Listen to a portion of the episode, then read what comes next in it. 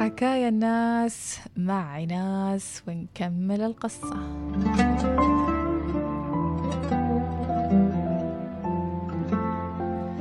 طبعا ضاق الحال بالعاملة تالي وكل يوم يمر عليها يكون أشد مرارة من اللي قبله لين ما وصلت إنها تتعارك مع صاحبة البيت. تقول تالي وفي هاللحظة قام صاحب البيت يدافع عني بكل قوته. أنا كنت مندهشة من ردة فعل المبالغ فيها. كنت أقول يمكن. صح. الحمد لله أن حظ ضميره صاحي في هالعائلة على الأقل فيه من الإنسانية اللي تحميني. عصب صاحب البيت وصرخ على زوجته وقالها أنا خلاص برجعها المكتب تقول نهرني. وقال لي تعال ركب السيارة بنرجعك من حيث ما ياتي تقول تالي فعلا خذاني بالسيارة. كنت فرحانة هذيك اللحظة أني برجع المكتب وبشوف عائلة ثانية يمكن تكون أرحم منهم وأعطف منهم في تعاملهم.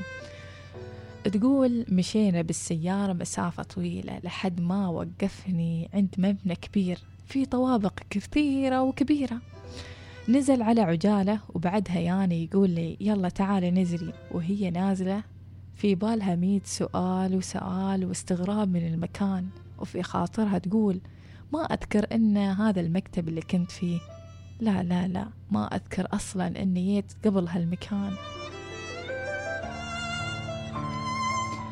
تقول وصلنا للطابق الخامس وهناك فتح غرفة. كنت أعتقد أني بقابل فيها المسؤول عن المكتب أو ما شابه. بجلس أفضفض أتكلم عن اللي صار لي أدافع عني عن حقوقي عن واجباتي.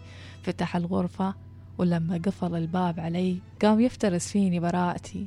عنفواني وصبري يفترس حاجتي وغربتي يفترس ثقة أهلي وترقبهم أني أرجع لهم ينهش آخر أمل أني أكون بخير. بوقفته اللي كانت كلها لحاجة قبيحة ما توقعتها أبدا ولا خطرت في بالي. تمنيت أني مت أو إنه قتلني قبل لا أشهد على هالظلم والعار والألم اللي بعيشه سنين من عمري. وبعدها قام يهددها إنها ما تخبر أي حد باللي صار ولا عقابها بيكون عسير. خافت تالي ويمكن غسلت يدينها حتى من إنها تبلغ عليه لوظيفته المهمة اللي انطبقت عليها مقولة حاميها حراميها. تقول بحثت عن طريقة أوصل للجهة المعنية ولكن كل الطرق كانت بعيدة وصعبة. كيف أبلغ؟ وما أعرف إيش بيكون مصيري؟ ضعيفة. في بلد ما أعرف في حد ما حيلتي غير الدموع. لين استسلمت للأمر. رجعها الكفيل للبيت بعد الحادثة وخبر زوجته إن المكتب هددها وهداها وبلغها إنها ما تتكلم أبد. مرت الأيام لما ظهرت أعراض حمل على تالي. تالي اللي تتمنى إنها تنتحر في أي لحظة.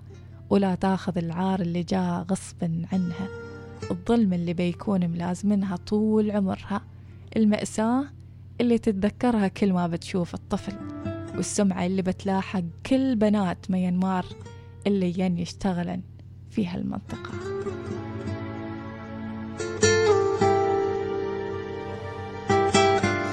تقول كيمياسو اللي خبرتكم إنها تحكي لي هذه القصص قصص العاملات. تقول انتشرت قصص كثيرة مثل قصة تالي في ميانمار وتداولوها بشكل كبير. نستحي حتى نرجع لهناك فالسيئة تعم وتقول كيمياسو صحيح بعض العاملات مظلومات مثل تالي لكن بعضهم من الفقر والحاجة يرضن بأي شيء مقابل حتى مبلغ زهيد. دايما تقولهن وتكلمهن في الجروب هذه الفلوس عمرها ما بتخليكن ثريات. ولا بترفعكن فوق وبتذلكن في أول سقطة وبتخليكن في الهاوية اللي بيتخلى فيها عنكن كل حد.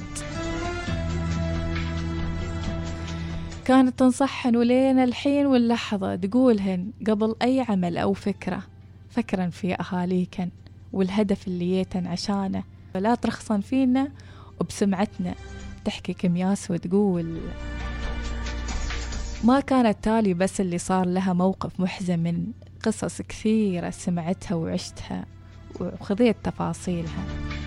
ففي كل وحدة موجودة هني قصة غريبة وعجيبة. مثلا العاملة سيرة سيرة عاملة منزل في عائلة ما حاسبينها آدمية.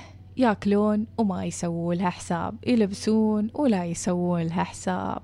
يبردون ويدفون ولا يحسبوا لها حساب. هي والجماد واحد معاهم. حكت سيرة سالفتها لصديقاتها في لندن وقالت لهن في فترة البرد الأخيرة أحلم بس إنه يكون عندي جاكيت وجوتي فرو أحلم إني أتدفى من هالبرد الكبير. طبعا صديقاتها ما قصرن طرش لها الأغراض اللي تحبها وتريدها. ولما وصل الغرض تواصلوا معاها علشان التوصيلة. كانت سيرة في قمة فرحها ولكن يا فرحة ما تمت. استحوذت بنت الكفيل على كل شيء وقالت إن هذا مطرش لها مالك ولا أي شيء.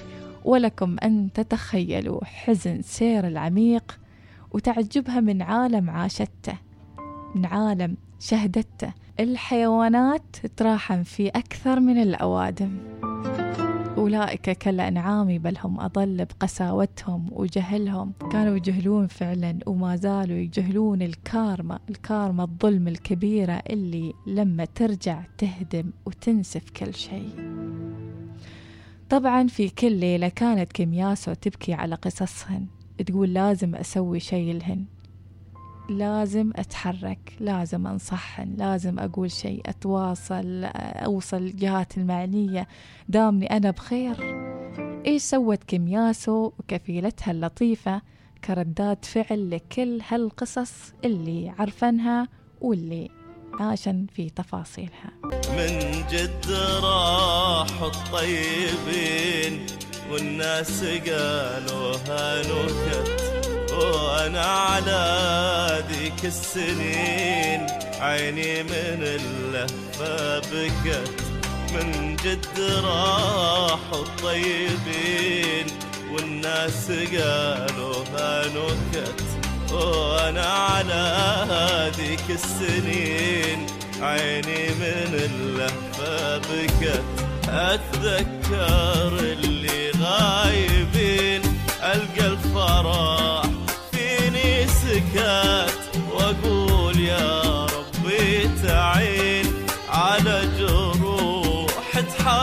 تحركت أتذكر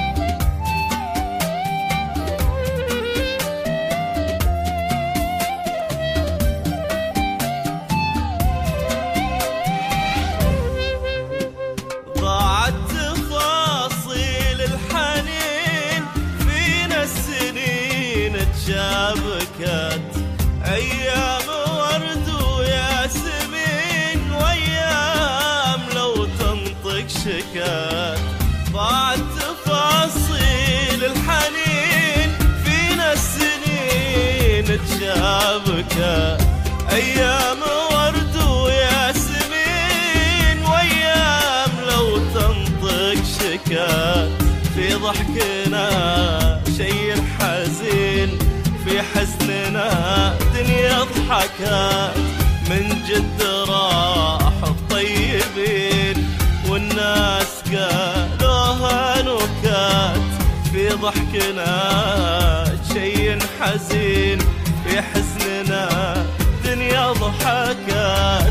من جد راح الطيبين والناس قالوها نكات